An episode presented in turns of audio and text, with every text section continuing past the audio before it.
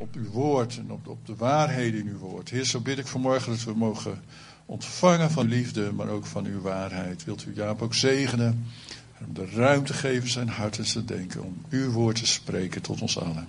In Jezus' naam. Amen. Amen, dankjewel. Mag de echo iets uh, minder? Want ik, ik, ben nog heel, ik ben nog heel timide nu. Als ik... Goedemorgen, ik heb me erop verheugd om hier te zijn.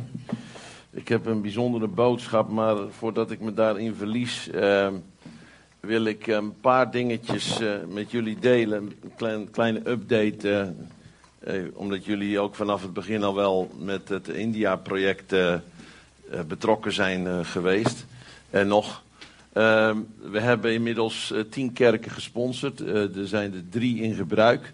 Het leuke is, de eerste die we openen, daar zijn al 85 vaste gemeenteleden. Um, en ik moet zeggen, mijn partner uh, Carlino is met mij mee geweest. En misschien heeft hij al wel iets verteld ook, dat weet ik niet. Maar mijn partner is zo'n bijzondere stratege. Want we laten de kerken bouwen door de bouwvakkers uit het dorp die hebben dan gelijk werk en uh, die, die komen dan mij trots een hand geven. Ik heb dit huis gebouwd en die komen dan ook naar de kerk toe. En ja, die, die winnen we dan, die pakken we zo in met Gods liefde. En uh, het is gewoon fantastisch om te zien hoe dat gaat.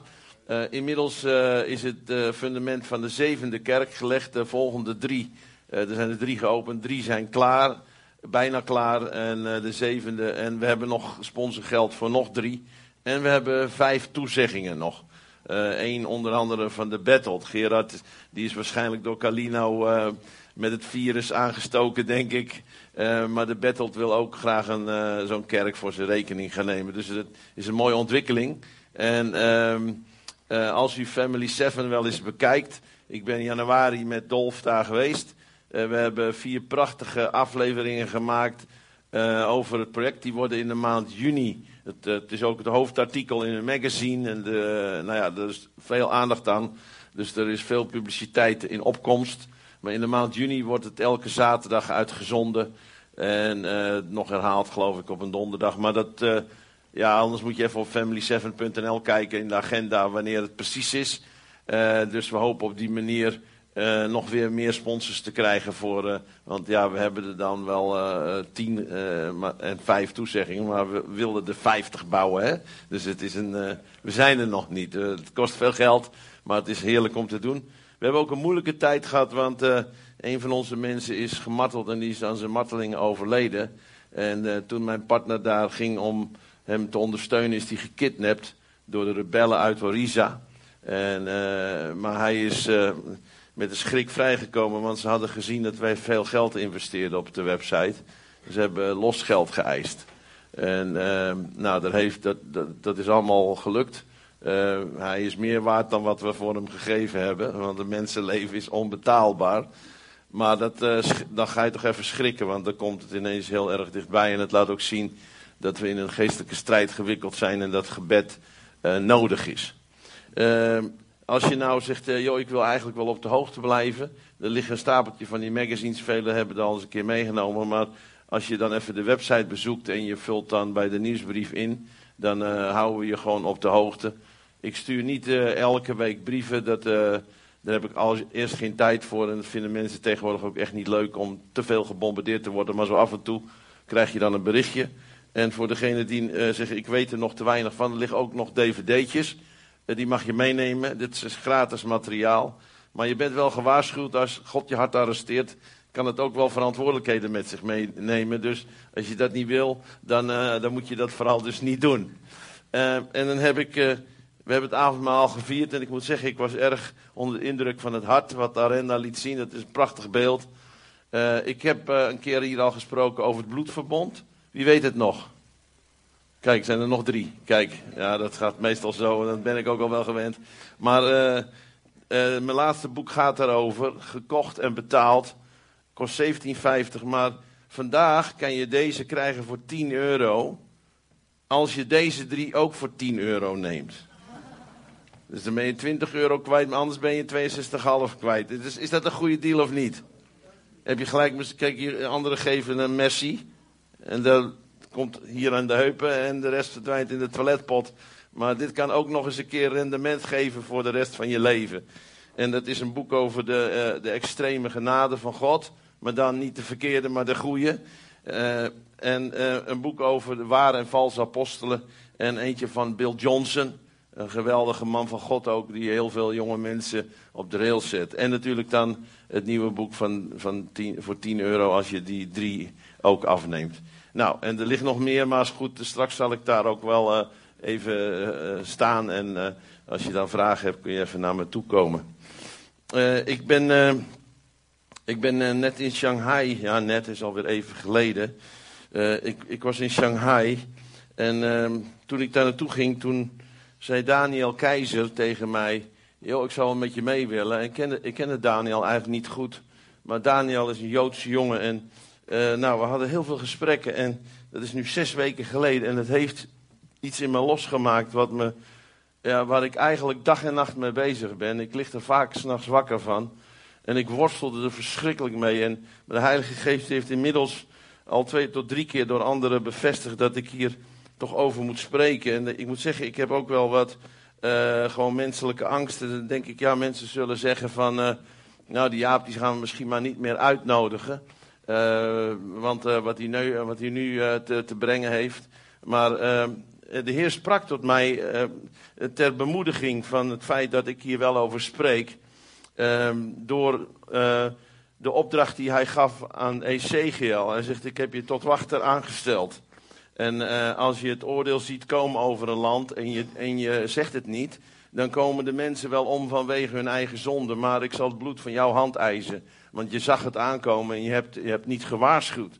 En als je wel waarschuwt dan en, en ze luisteren, dan heb, is hun leven gered. En als ze niet luisteren, dan komen ze even goed om door hun eigen zonde. Maar dan, uh, dan ben jij vrij. Maar als jij ze niet waarschuwt en ze komen om, dan zal ik hun bloed van jouw hand eisen. U heeft het wel eens gelezen. En uh, er zijn heel veel mensen die zeggen dat is Oude Testament. Deze opdracht wordt trouwens nog een keer opnieuw aan Ezekiel gegeven in hoofdstuk 33. Eerst, eerst in hoofdstuk 3, maar dan in hoofdstuk 33. Uh, mensenkind, spreek tot uw volksgenoten en zeg tot hen, wanneer ik zwaard over het land breng en de inwoners hebben iemand gekozen tot wachter. En, uh, en hij zegt, ik heb je tot wachter aangesteld. En dan zegt hij letterlijk, maar van zijn bloed zal ik de wachter rekenschap vragen. Gij nu mensenkind, ik heb u tot wachter over het huis Israëls aangesteld. Wanneer gij een woord uit mijn mond hoort, zult gij het uit mijn naam waarschuwen. Als ik tot de goddeloze zeg, gij zult zeker sterven, maar gij spreekt niet om de goddeloze te waarschuwen voor zijn weg, dan zal hij in zijn eigen ongerechtigheid sterven, maar van zijn bloed uh, zal ik uw rekenschap vragen. En dan uh, is het opmerkelijk dat Paulus, voor degenen die denken dat het oud-testamentisch is en niet meer van toepassing, dat Paulus in zijn reden aan de oudste te Efeze in hoofdstuk 20 uh, eigenlijk met dezelfde passie zegt, gij weet hoe ik van de eerste dag af van dat ik mijn voet aan wal zette in Azië, al die tijd onder u verkeerd heb, dienen de Heer met alle ootmoed onder tranen en beproevingen. En ik heb niets onthouden om u te, te, onderwijzen.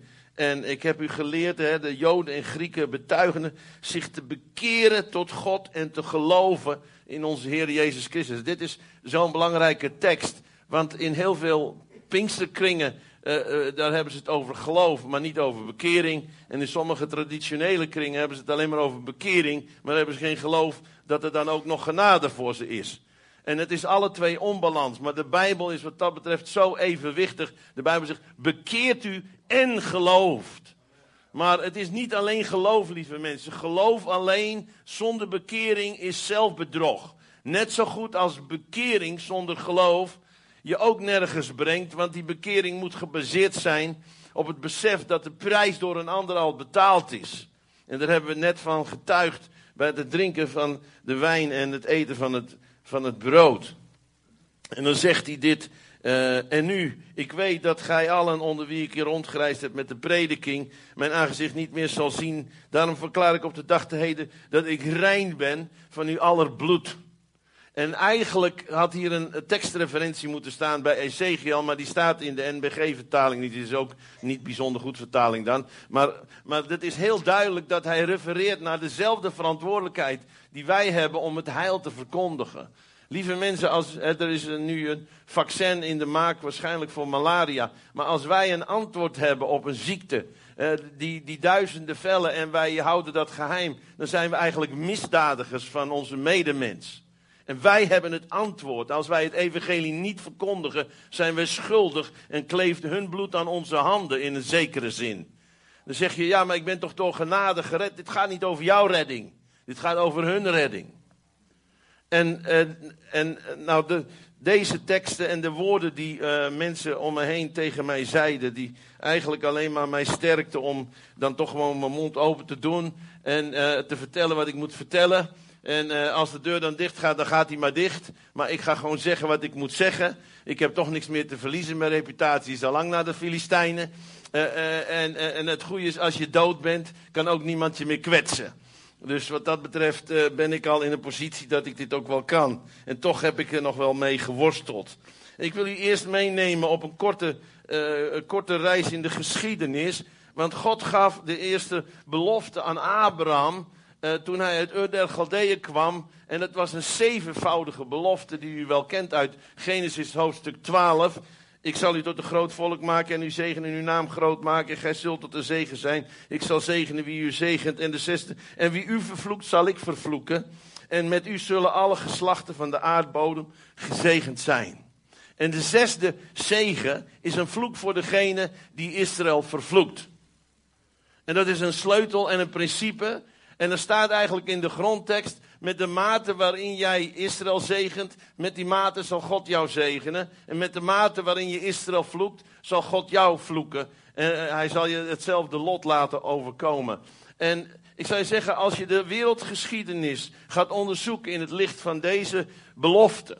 En uh, in mijn boek over het verbond ga ik hier dieper op in. Want door de misverstand van Augustinus uh, werd eigenlijk gedacht dat uh, bij het nieuwe verbond het hele verhaal met Israël passé was. Maar uh, dat is gewoon een verkeerde veronderstelling. Het vervangingsleer is echt, dat is een onzin. Dat is uit de, uit de hel. Dat is niet van God. De belofte van Abraham is niet het Mosaïsch verbond. Toen Jezus zei het nieuwe verbond in mijn bloed, was het op de avond dat de Joden de uittocht uit Egypte, dat Pascha vierden. En dat verbond met Mozes is passé toen Jezus aan het kruis ging en het gordijn scheurde. Maar het verbond met Abraham is ouder en het is per definitie een eeuwig verbond tussen Abraham en zijn nageslacht. Voor al uw nageslacht uh, dat dit land een eeuwig erfdeel zal zijn. Dat is nooit opgehouden te bestaan. Integendeel zelfs, de kracht van dat verbond is altijd van kracht geweest. Vanaf Abraham tot op heden en ook morgen nog. En ik wil u in vogelvlucht door een paar uh, volkeren laten zien hoe, hoe dat heeft uitgewerkt. En tot op, tot op heden. Ik ga u nemen naar het heden. Ik ga het ook heel relevant maken voor ons uh, vandaag. Maar eerst bijvoorbeeld Egypte. Egypte herbergde, je, bergde Jacob met zijn 70 mensen, zijn familie. Egypte is een wereldrijk geworden daarna. Een gigantisch gezegend wereldrijk. Maar 400 jaar later, toen er een andere farao was, die niet meer de geschiedenis van zijn eigen land kende en Israël begon te vervolgen. Toen kwamen de tien plagen over Egypte bij de uittocht. En het was ook de vernietiging van het wereldrijk Egypte. Egypte is nooit meer het wereldrijk geworden wat het ooit geweest was voor die tijd. Omdat ze, omdat ze Israël slecht behandeld hadden, kregen zij het oordeel van God over zich heen. En in de geschiedenis van het oude Israël is het hetzelfde met het Assyrische Rijk, wat daarmee gebeurd is. En uh, alle rijken in de geschiedenis, in de relatie met Israël, ondergingen datzelfde lot. En ik ben tot deze ontdekking gekomen. Israël was feitelijk onverslaanbaar. En als Israël wel verslagen werd, kwam het niet omdat de goden van die andere landen sterk waren, het kwam omdat Israël niet wandelde onder de bescherming van het verbond dat ze met God hadden. Omdat ze buiten de grenzen van het verbond waren getreden, kon God hun niet beschermen en kwam de vloek over hen. De zegen en de vloek. De zegen als ze in de wegen wandelden en de vloek wanneer zij dat overtraden. Nou, ik ga een paar grote stappen nemen.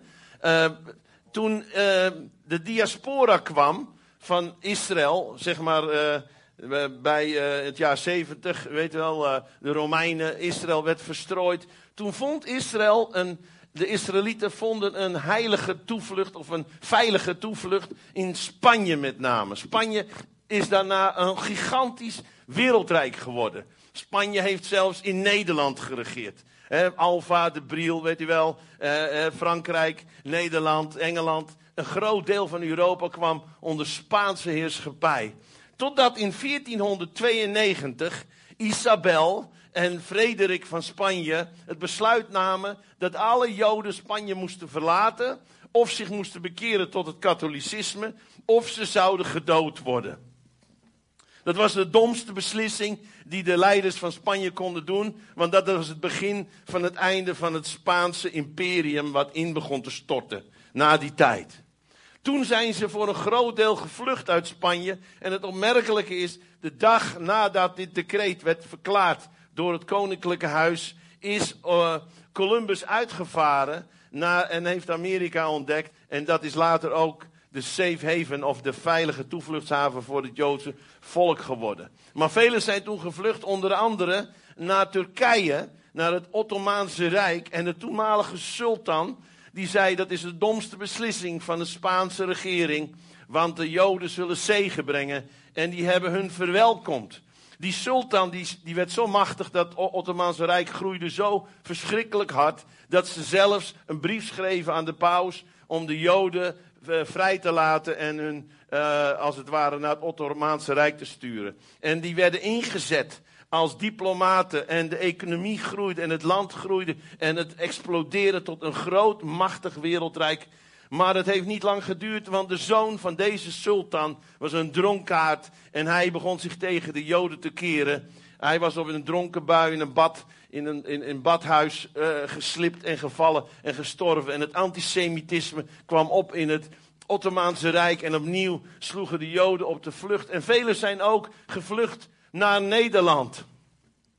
Naar Amsterdam. Dit was de gouden eeuw voor Nederland. Denk erom, de gouden eeuw voor Nederland is niet los te zien van de komst van de Israëli's. De Jordaan is niet zomaar de Jordaan. Dat heet Jordaan omdat dat was de wijk waar de Joden neerstreken. En het heeft ertoe geleid dat Nederland het allergrootste handelsland van de hele wereld is geworden. Met de grootste vloot en de grootste wereldhaven. Dit kleine piepkleine landje werd buitengewoon gezegend omdat de Joden werden verwelkomd in Nederland. En dat is de enige reden. En dat gebeurde ook met Duitsland. Dat gebeurde met Frankrijk. Dat gebeurde met al die landen. Maar wat is er gebeurd met al die wereldrijken? Wat is er gebeurd met het Karolingse Rijk? Wat is er gebeurd met het Duitse Rijk?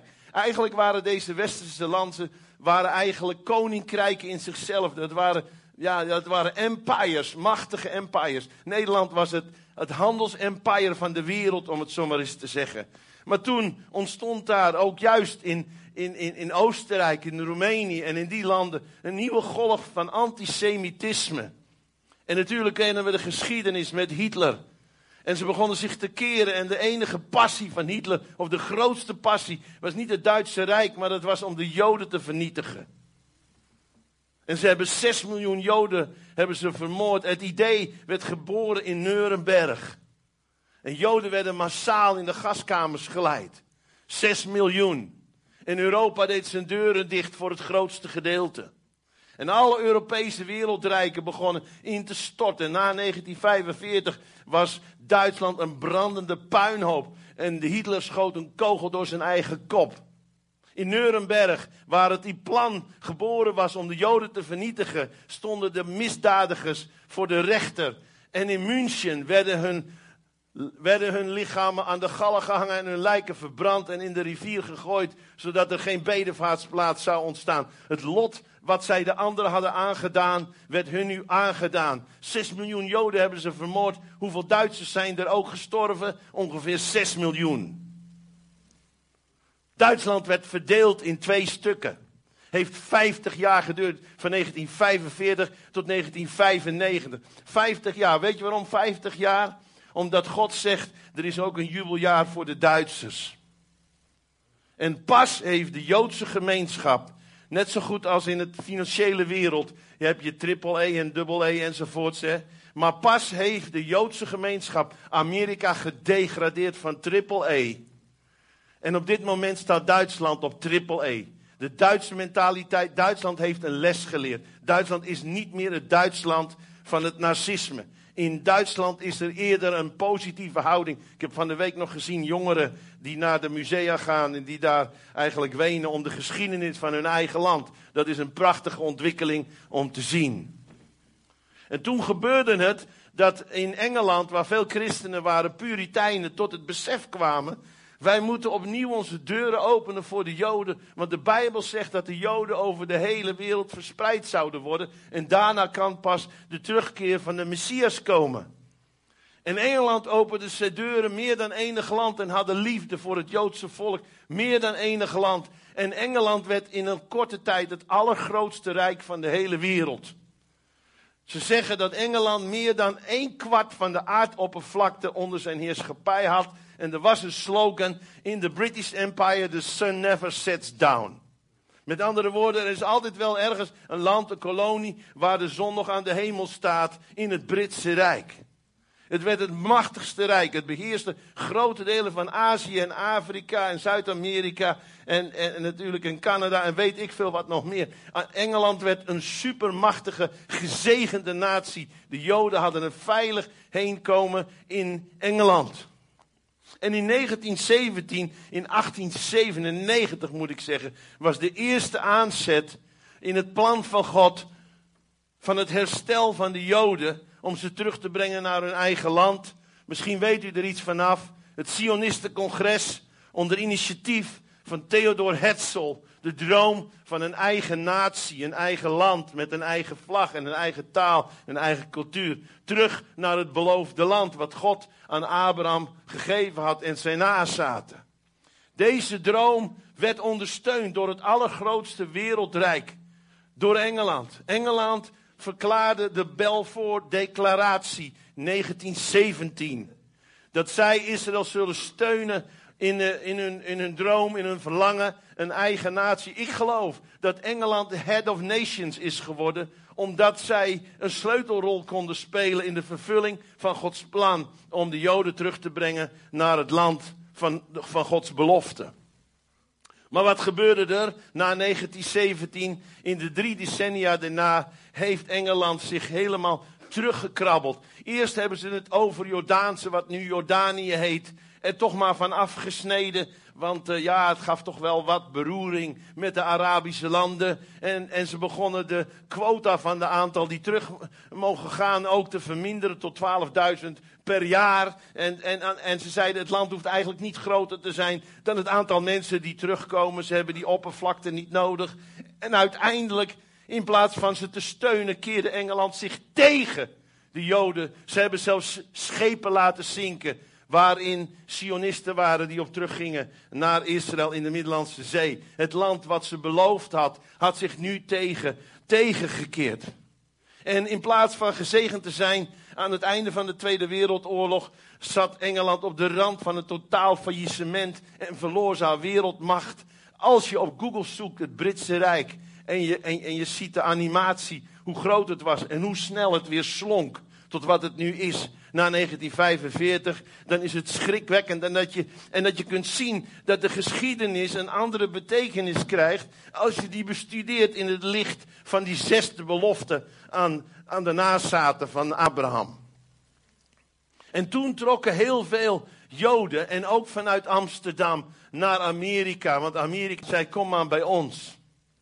En misschien weet u het niet, maar Manhattan, dat was eerst van de Nederlanders. En New York was Nieuw Amsterdam. Maar in, in onderhandelingen met de Britten hebben ze Manhattan uiteindelijk verkocht. Of geruild, ik meen voor Suriname, Brits, Brits, uh, Brits Guyana, hè, Suriname, hebben ze het geruild. Het is misschien wel de domste set die we ooit gedaan hebben, dat weet ik niet. Maar wat gebeurde er? De Nederlanders hadden, en daar zijn ze natuurlijk altijd goed in geweest, die hadden overal wallen gebouwd battering walls, omdat in die tijd ook met schepen en kanonnen, weet je wel. Maar goed, het was een andere tijd met vliegtuigen. De wereld begon te veranderen. En de Britten hebben die wol weer afgebroken. Maar Wall Street is altijd gebleven. En Wall Street is eigenlijk een erfenis van de Nederlanders. En er is iets bijzonders met Amerika, want Amerika is het gezegendste land, het machtigste land, financieel, militair en economisch geweest tot voor kort omdat het de Joden heeft geherbergd. En ik weet niet, miljoenen Joden zijn uit Rusland, hebben een veilig heenkomen gevonden in, in Amerika. En er is nog iets bijzonders met Amerika, want de enige twee landen in de wereldgeschiedenis die bij hun inauguratie, bij hun geboorte aan de God van de Bijbel zijn opgedragen, dat is Israël in de tempel door Salomo en Amerika door George Washington. En toen door George Washington, de eerste president, werd geïnaugureerd als president in het, in het, in het uh, regeringsgebouw, heeft hij daarna met de regeringsleiders een processie gedaan naar de St. Paul's Chapel. Een hele kleine kapel, eigenlijk toen was het groot, maar nu klein, in Manhattan. Aan de voet van Ground Zero staat deze kapel. En in die kapel heeft hij Amerika opgedragen. Ik weet niet of u iets weet van de Amerikaanse geschiedenis. Amerika wilde het nieuwe Israël zijn. Gebouwd volgens de wet van God. Van de, van de Torah, van de, van, de, van de wetten van God. En de 4 juli, de, de, hoe noem je dat in Amerika? De Independence. Independence Day is gebaseerd op de Bijbelse feestdagen. En toen zei George Washington dit, en dat was een profetie van zegen en vloek. Hij zei, the smile of heaven can never stay on a nation that violates the rules of justice and righteousness and truth that is given by heaven. En zolang als Amerika in de wegen van God wandelde, de grootste opwekking, geweldige wereldpredik, wereldzending over de hele wereld, is door geen één andere natie zo geboosterd dan Amerika. Dat is een feit. Maar vandaag de dag is dat niet meer zo. Amerika heeft in zijn geschiedenis nooit een oorlog verloren tot 1973. Het eerste oorlog die zij verloren was in het jaar dat abortus werd gelegaliseerd in Amerika. Een van de dingen die het oordeel van God brengt, zijn vier dingen die het oordeel van God over een land brengen. Luister goed wat ik nu zeg. En in de hypergrace mentaliteit waar we mee gebombardeerd worden, wil niemand meer het woord oordeel horen. Maar ik zeg je, je doet de Bijbel geweld aan als je het oordeel wil wegfilteren uit het woord van God. En iemand moet het zeggen, of het, het wil horen of niet. En ik zeg het omdat ik van jullie hou. En ik zeg het omdat ik van Nederland hou. Er zijn vier dingen die een oordeel over een land brengen. En we hebben het nu over een land, niet over individuen. Want er is ook nog zoiets als het individuele oordeel van God over jouw leven. Maar oordeels over natie hebben met te maken met de volgende vier dingen. Het heeft te maken met onrecht tegen zwakken. Als je een, als je een dove vervloekt. Als je een blinde laat struikelen. Als je een arme besteelt. Als je een zwakke benadeelt. Hij is de God van de zwakken. Daarmee raak je God in zijn hart. En hij laat dat niet over zijn kant gaan. De allerzwakste zonder stem zijn de ongeboren kinderen. Daarmee heeft Amerika, niet alleen Amerika, maar de hele wereld, heeft de, de wolken van Gods toren zijn opgestegen. Want dit, dit raakt God in zijn hart. Een tweede ding is afgoderij. Sodom en Gomorra zijn met vuur verwoest vanwege seksuele immoraliteit en afgoderij. Mammon is ook afgoderij. En vandaag de dag moet alles wijken voor geld. Ook de rust van de zondag. Alles moet maar wijken voor geld. Lieve mensen, je bent een idioot als je dat doet. Je huwelijk is al het geld van de wereld waard. Je rust is belangrijk voor je gezondheid. God heeft het niet gegeven als een ijzeren wet om je te knevelen. Het zijn de bevrijdende wetten van God die zegen veroorzaken als we erin wandelen. Maar het wordt met voeten getreden. En als we dus de zwakkeren benadeelen, als we afschoderij plegen, dan halen we het oordeel van God over ons. Een derde ding wat het oordeel van God over, over is, is onrecht dat we doen aan mensen. Als we onrecht en afgoderij en onreinheid. En het vierde is, hoe gaan we met Israël om? En dat heb ik net al aan al die landen laten zien. En de Joden gingen naar Amerika. Amerika is groot geworden. Door de Joden. Maar God gaf een waarschuwing op 911. En ik sprak met Daniel, mijn Joodse vriend, over de, ja, de, de Joden noemen dat de Shemitah, maar dat is het Sabbat het Sabbatjaar. En de Bijbel staat vol met zevens. God rust op de zevende dag. En de zevende dag is een rustdag in het plan van God. En dat is heel bijzonder, want we praten ook over zoveel weken in zwangerschap. En bij alle dieren is het zoveel weken. Maar die zeven die gaat door de hele Bijbel heen. De belofte van Abraham is een zevenvoudige belofte. Je moet zeven maal 77 keer vergeven. Het boek Openbaring is een boek van de zeven. Daar staat vijftig keer het woord zeven in. Dat is 7 keer 7, 49. En de vijftigste is het jubeljaar. 7 is belangrijk. En Israël, als Israël in ballingschap ging, 70 jaar in ballingschap, omdat zij de jubeljaren niet de sabbatsjaren niet geobserveerd hadden, zal ik het land laten rusten, want God wilde in de zevende het laten rusten. Elk zevende jaar is een sabbatsjaar. Dan moet het land rusten. En de zeven maal zevende sabbatsjaar is na het zevende sabbatsjaar komt het mega-sabbatsjaar, het jubeljaar. En dat heeft God zo ingesteld. En dat is de Joodse kalender en die loopt wat anders dan de westerse kalender. Wij hebben de Gregoriaanse kalender. Maar luister goed wat ik nu zeg, wat ik ontdekt heb. Omdat ik, ik kreeg informatie en ik, het is shocking om te ontdekken. Maar als je in de Amerikaanse beurs kijkt, in de afgelopen vijf decennia, waren er altijd beurscrashes in september en oktober. En wetenschappers hebben gedacht, hoe komt dat toch? En ze hebben ontdekt, het gebeurt altijd in het zeven, om de zeven jaar. Om de zeven jaar. Om de zeven jaar.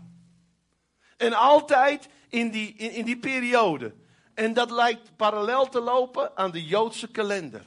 En de laatste dag van het zevende jaar is een soort climax waarmee er werd afgerekend. En de Shemitah of het, het Sabbatsjaar is een zegen voor degene die in de wegen van God wandelt maar een vloek voor degene die het met voeten treden.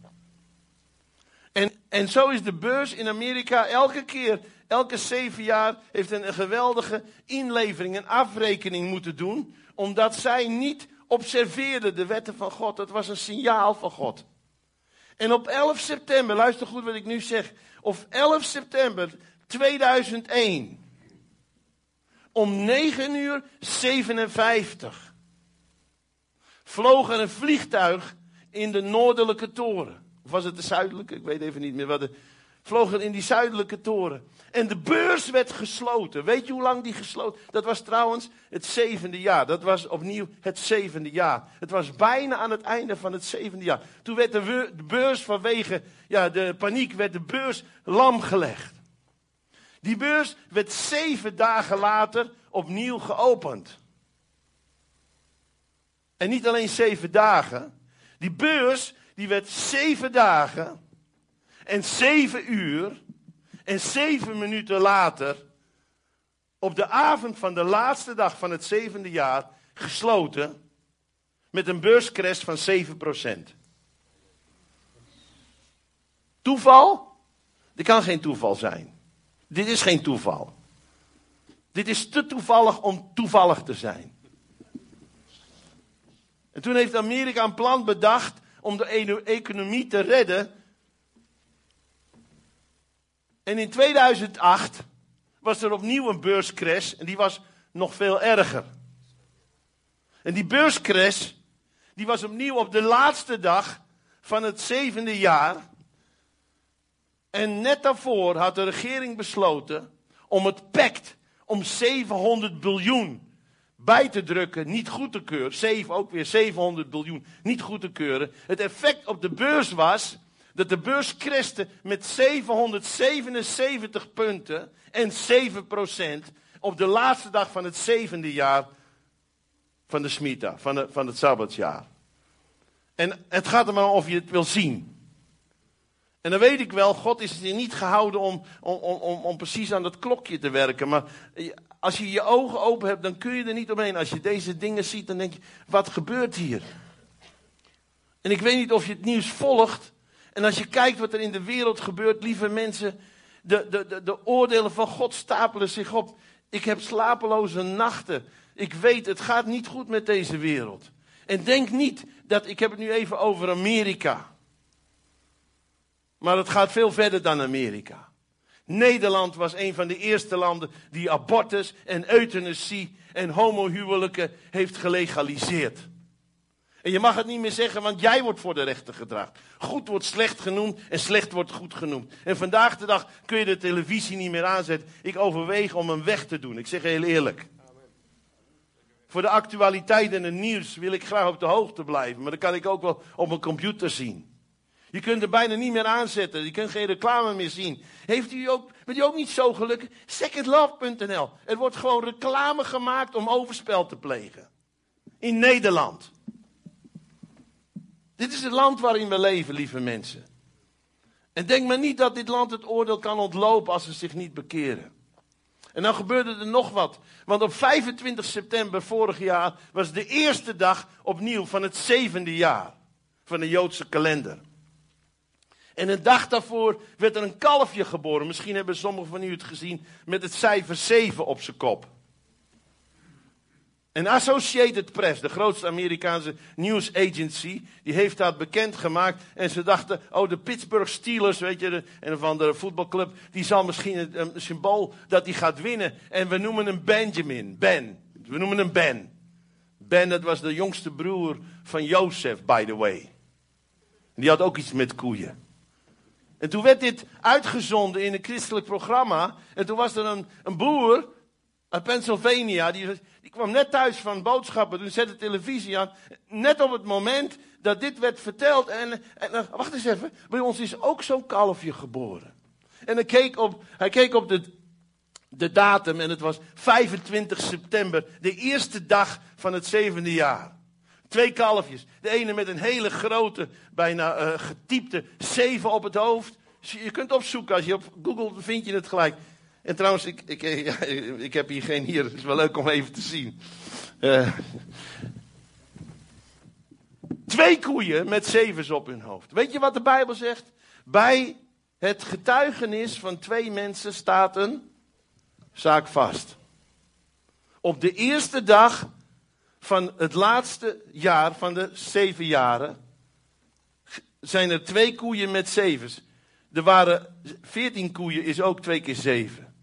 En de zevende koe van de eerste was het begin van het omslagpunt. Zeven vette jaren, zeven magere jaren. Het was een waarschuwing voor een oordeel wat aan het komen was. Ik weet niet waar het naartoe gaat, maar op 13 september is het niet alleen zonsverduistering, is de laatste dag van het Sabbatjaar.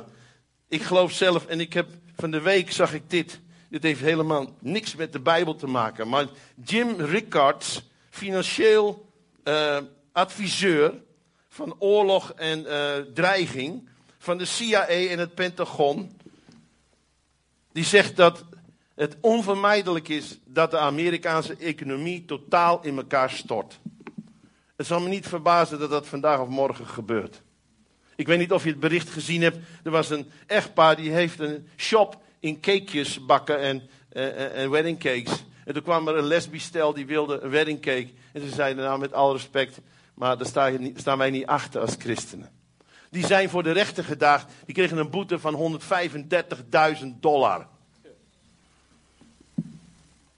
Toen gingen ze met, met, met crowdfunding geld genereren. Maar de crowdfunding company zegt: Dit is discriminatie. Wie wordt hier gediscrimineerd? Ze noemen goed slecht en slecht goed. Dit is de wereld waarin we leven. Als je, als je deze naam moet je ze onthouden. Walid Shubat is een Midden-Oosten man van God. Ik keek naar zijn site, ik, ik moest bijna kotsen. Er zijn letterlijk slachthuizen in, in Syrië waar christenen worden geslacht. Zoals de varkens in de, en zoals de koeien in het. Dit is de wereld waarin wij leven vandaag de dag. En als, ik dan, en als ik dan zie dat er christenen zijn die alleen maar spreken over prosperity. Dan, dat, er een prediker is die zegt: Ja, wie wil me helpen? Ik wil een nieuwe jet kopen van 67 miljoen. Ik schaam me er gewoon voor. Ik wil me niet eens identificeren. In deze tijd, we leven in de laatste dagen, lieve mensen. Als ik hoor dat christenen wakker leggen over hun hypotheek. Je zou wakker moeten leggen over mensen die sterven zonder Jezus. Je zou nooit je druk moeten maken over je hypotheek. Als je doodgaat neem je er toch niks van mee. Maar wat je wel meeneemt zijn de zielen die je wint voor Jezus Christus. Ik, ik geloof we leven in zo'n uur als die Amerikaanse economie valt. En ik geloof dat dat gaat gebeuren. En weet je, de Bijbel zegt het zal zijn als in de dagen van Noach. Ze huwen en trouwen en leven en feesten en drinken en eten. En alles is zoals het was. Ik, ik neem een glas en doe een plas en alles blijft zoals het was. En zo leven mensen. En als ik dan deze dingen zeg, dan zeggen jij zaait paniek. Dat, de, dat is precies wat Jezus zegt. Het is zoals in de dagen van Noach. Ze zeiden van Noach ook dat hij geschift was, dat hij gek was. Dat ging nooit gebeuren. Het gaat toch weer de goede kant op met de economie. Meestal is er een enorme piek omhoog vlak voor de grote explosie. Weet je dat? Dat gaat bijna altijd zo. Ik zeg je, het staat bij God vast. De Bijbel zegt, als er twee getuigen staan, dan staat het bij God vast. Weet je wat het betekent? Je kunt hier niet meer voor bidden dat God het verandert. Het oordeel staat bij God vast. Nou, dat moet je zeggen in een tijd van genade. Maar ik zeg je, het staat vast. Is, en, en wij dan? Hier komt weer 2, 2 Korinthe, nee 2 Kronieken 7 vers 14. Ook opmerkelijk hè, 2, 7, 14. If my people, als mijn mensen, who are called by mine, die bij mijn naam geroepen zijn, zich bekeren en mijn aangezicht zoeken. Dat vind ik ook zo mooi. Mijn aangezicht, mijn, niet mijn hand. Niet komen genezing, vrede, voorspoed. Ik heb werk nodig, een baan, een man, een huis, geld, blijdschap, vrede, vreugde, overwinning. Weet je, als je een hond hebt, die zoekt jouw aangezicht niet, die zoekt je hand. Gaat je hand naar het keukenkastje waar het voer staat. En hoeveel christenen zijn als een hond bij God? Lieve mensen, zoek ze, als je iemands aangezicht zoekt, dan zoek je zijn hart. Want je ogen zijn de spiegels van je ziel. En wanneer mijn volk, dat bij mijn naam geroepen is, mijn aangezicht zoet en bidt en zich bekeert van zijn boze wegen, zal ik horen uit de hemel en het land genezen. En er staat, als zelfs als zou Daniel en, Daniel en Mozes en Job roepen tot mij, zal ik nog niet horen. Alleen zullen zij zichzelf redden vanwege hun eigen gerechtigheid. Er is een, er is een punt dat, dat, dat het oordeel van God vaststaat. Dat het onomkeerbaar is. Er zijn waarschuwingen op waarschuwingen op waarschuwingen geweest. Er komt een moment dat God zegt, nou is het gewoon genoeg. En mensen zeiden tegen mij, maar ja, wat moeten wij dan? Hoe moeten wij dan leven? Ik geloof dat dit het moment is om te bidden. Afgelopen zaterdag. Of wat was het, vrijdag of zaterdag? In Rotterdam. Hoe heet het ook weer? De, W. Smith. Michael W. Smith, 6000 mensen. Betalen allemaal 40, 50 euro. Moet je een bidstond houden voor de verloren wereld. Mag je blij zijn als je 50 mensen krijgt. Ik heb niks tegen Michael W. Smith, begrijp me niet verkeerd. Hij geeft ook nog een hoop geld voor goede doelen, dus eh, begrijp me niet verkeerd. Maar het laat ook iets zien van de entertainment mentaliteit in onze kerken. Wat moet er gebeuren? Wat moet er gebeuren voordat wij weer het, huis van God het huis van gebed maken? Wat moet er gebeuren voordat wij weer de prioriteit maken om het aangezicht van God te zoeken? En, en, en niet met het vooruitzicht op een kopje koffie of, of een leuke doodje. Waarom kunnen we wel 35 euro betalen en helemaal naar Rotterdam rijden, een tank leeg rijden, om zelf geëntertained te worden? Maar als er een oproep is om te bidden voor christenen die afgeslacht worden, dan mag je blij zijn als je 50 mensen krijgt. Laat het niet iets zien van de geestelijke mentaliteit van de kerk. Sta ik hier te preken om u te veroordelen? Nee. Ik zal je zeggen, ik, ik, ik tril van binnen, ik schud van binnen. Dan denk ik, Heer, waar sta ik zelf? Ik moet ook veranderen. Het moet anders. De kerk moet terug naar zijn eerste liefde, naar zijn passie. En er zijn er die dit niet willen horen. En die zullen zeggen, jij bent wettisch. Ze doen hun best maar. Ik ben niet wettisch. Ik geloof, we leven in de, in de laatste dagen. We leven in de laatste uren. Jezus komt spoedig terug. Van die 6200 Als het er inmiddels al niet meer zijn. Die overleden hadden niet kunnen denken die ochtend dat ze er s'avonds niet meer zouden zijn. Wat doe je als je weet dat een ramp staat te gebeuren? Als de economie klapt in Amerika, gaat Europa mee, dan dondert de hele wereldeconomie in elkaar. Ik zie het in de geest gebeuren. Winkels worden in een paar uur tijd helemaal leeggeplunderd. Er is niets meer te eten. Wat gebeurt er dan? Je ziet het soms in Griekenland gebeuren. Mensen raken in paniek, rebellie, er wordt gevochten. De hel breekt los. Ja, maar wij gaan in de opname. Ja, dat geloof ik ook. Maar dat wil niet zeggen dat we alle onheil ontlopen. En het gaat erom, wat doen we nou in deze tijd? Hoe staan we hierin? Weet je wat er staat in het boek Daniel? Maar zij die hun God kennen, zullen sterk zijn en grote daden doen. Meer dan ooit voel ik de drang om het aangezicht van God te zoeken. En niet omdat de voorganger zegt: hey, moet jij ook niet naar de bidstond komen? Nee, er is een innerlijke drijf in mij losgemaakt. En, en, en, en ik, ik, ik wil de kerk wakker roepen. Ik ga deze boodschap overal brengen, lieve mensen. En of je het leuk vindt of niet, kan me helemaal niet schelen. Of je me wil afbranden of niet, ik hou van u. En daarom zeg ik het. Want ik, ik, ik geloof, we kunnen ook nog enige, hè, dat ook nog enige gered. Waarom stelt God zijn komst uit? Wil hij niet terugkomen? Jawel. Ik zal nooit vergeten, en daar wil ik mee afsluiten. Ik las het boekje, een boekje van Jesse Duplantis. Misschien kent u hem wel. Maar eigenlijk een heel apart boekje, want Jesse Duplantis is heel snel en hij is ook heel grappig. Maar hij is ook wel heel serieus. Maar hij had een, een ontmoeting met Jezus, dat hij opgenomen werd. En hij was met Jezus en ineens betrok het gezicht van Jezus. En hij zei, heer, waarom kijkt u zo bedrukt? En waarom kijkt u zo verdrietig? En hij zei, Jesse, ik zie op tegen de dag des oordeels. En, en hij zei, waarom dan, heer? En hij zei, Jesse, toen, toen Adam en Eva zondigden, was er rouw in de hemel. De vader en ik, we rouwden. Want ons mooie plan was gedwarsboomd door de zonde van mensen. Maar wij wisten, we hadden al een plan klaarleggen. En in de volheid van de tijd kwam ik naar de aarde.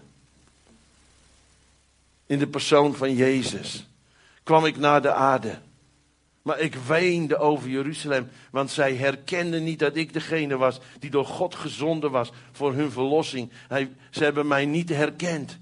Maar toch was ik niet wanhopig, want ik wist er zou een dag komen dat ik aan het kruis zou gaan en dat vele ogen geopend zouden worden als ze de doorstokenen zouden zien en dat ze tot erkentenis van de waarheid komen. En toen begon Jezus onbedaarlijk te huilen in die ontmoeting. En hij zei, Jesse, maar op de dag des oordeels moet ik een definitief oordeel uitspreken over mensen, wat ik nooit meer ongedaan kan maken. En daarom uh, schuif ik die dag het liefste nog iets voor mij uit.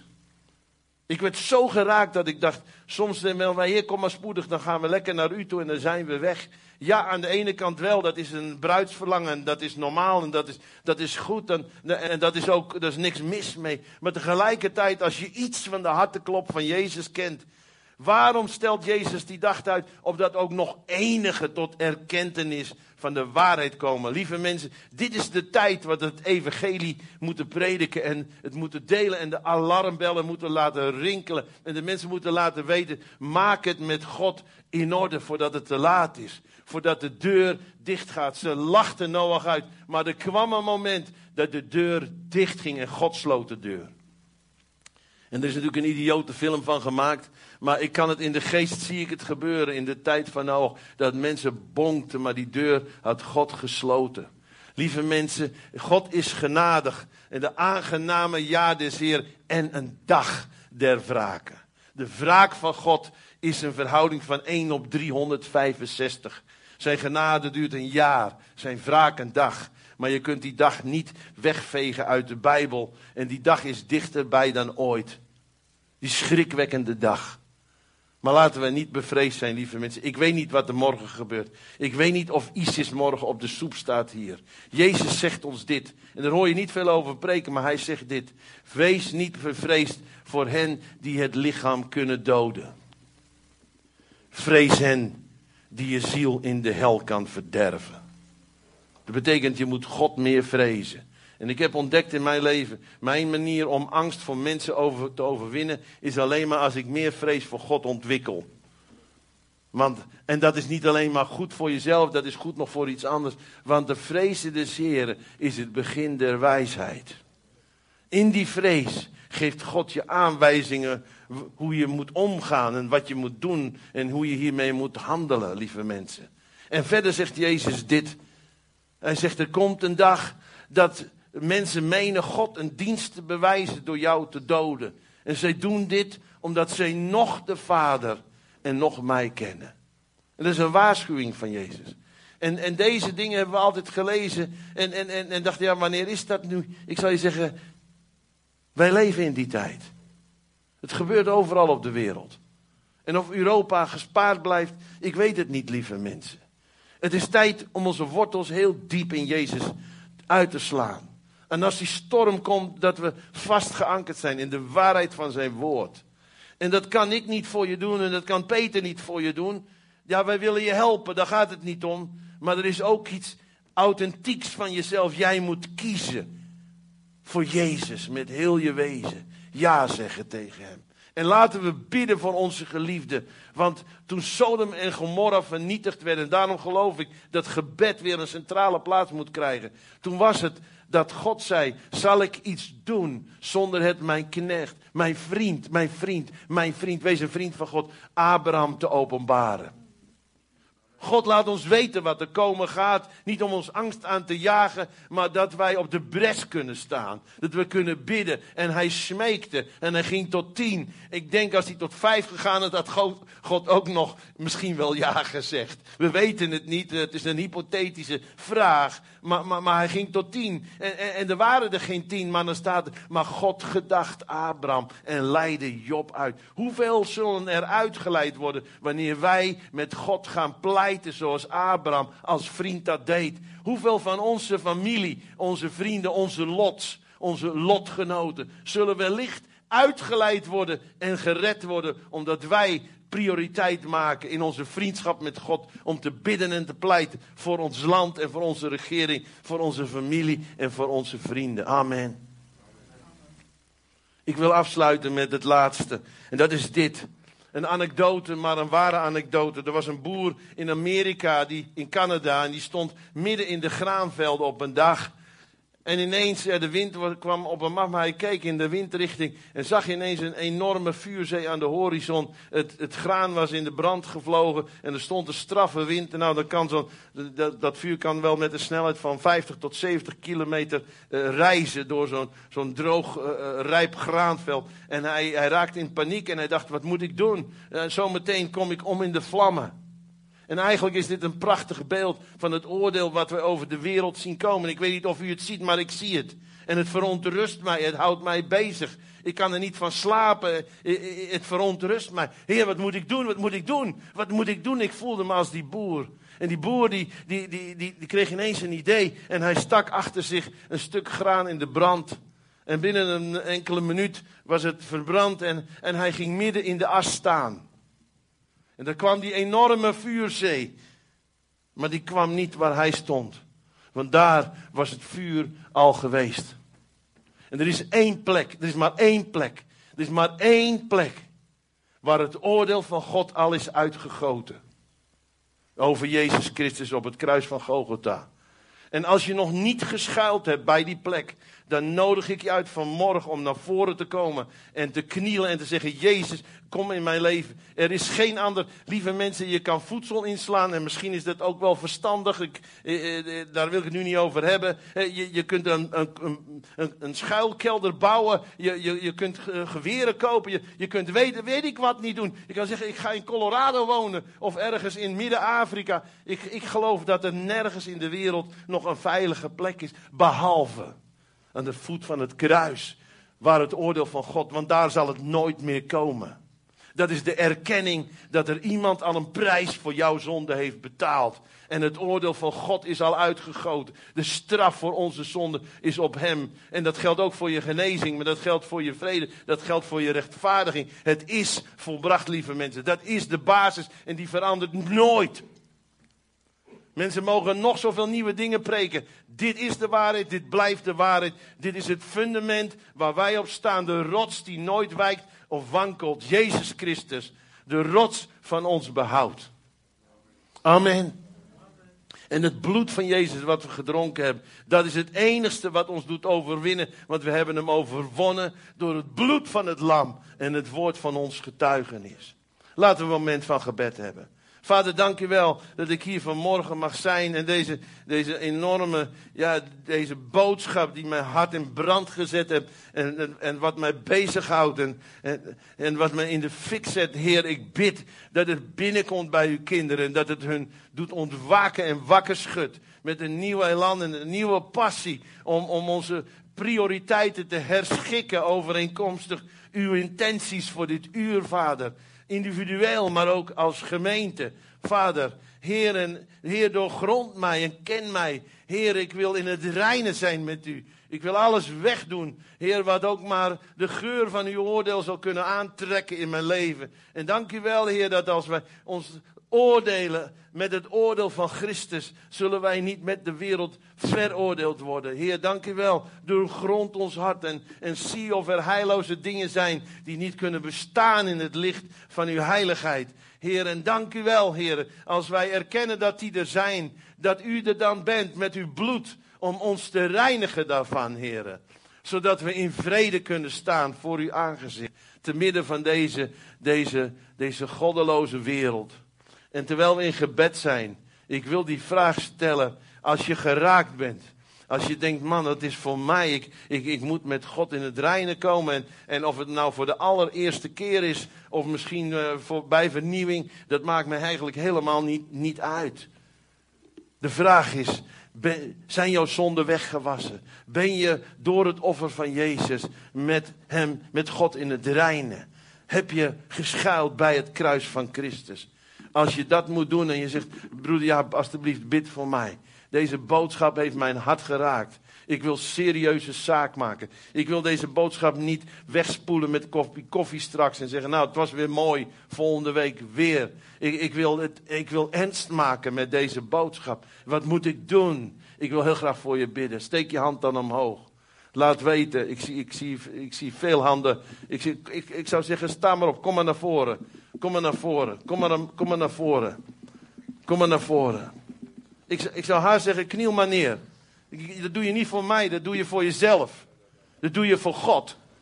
Omdat God spreekt tot je hart. Dank u, Heer.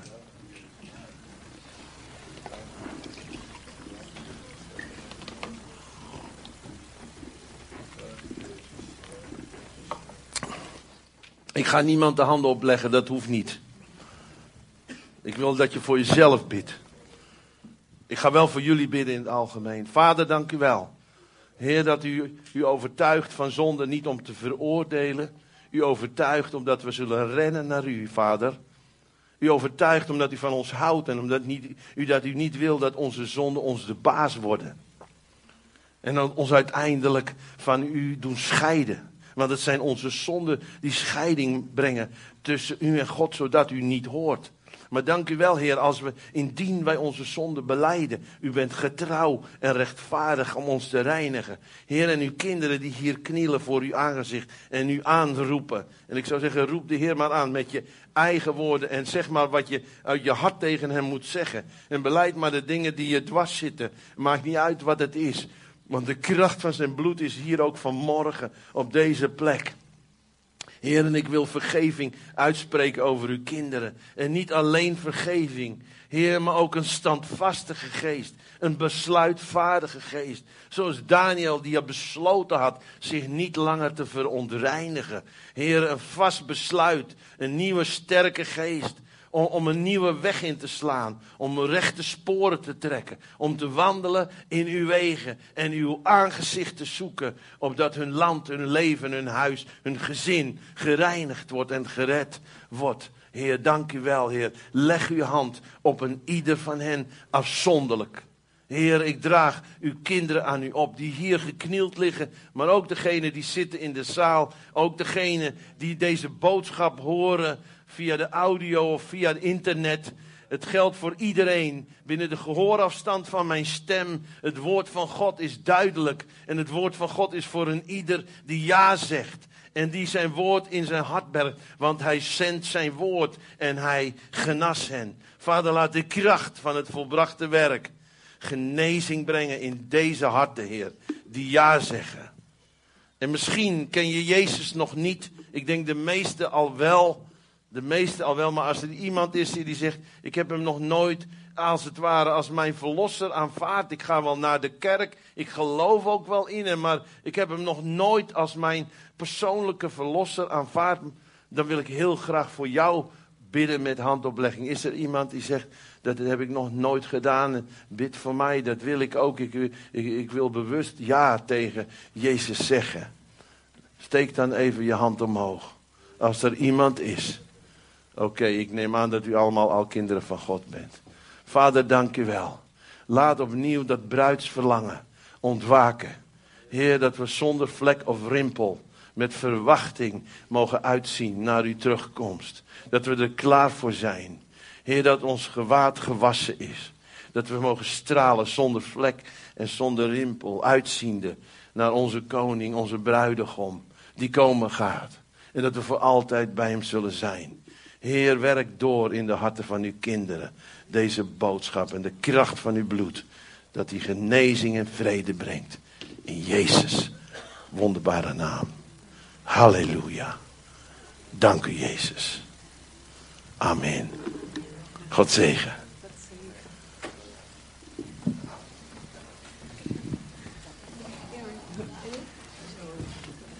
Moet ik even joh. Oké. Ah.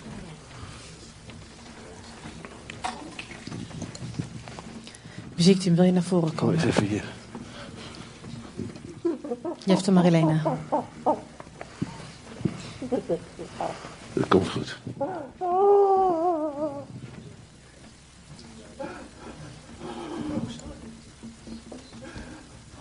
Richt jullie hoofd omhoog. Richt jullie hoofd omhoog. Dit brengt geen vervulling hier. Dit brengt geen vervulling hier. Alleen hij. Alleen hij. Ken hem. Ken hem. Oh. Ken hem. Oh.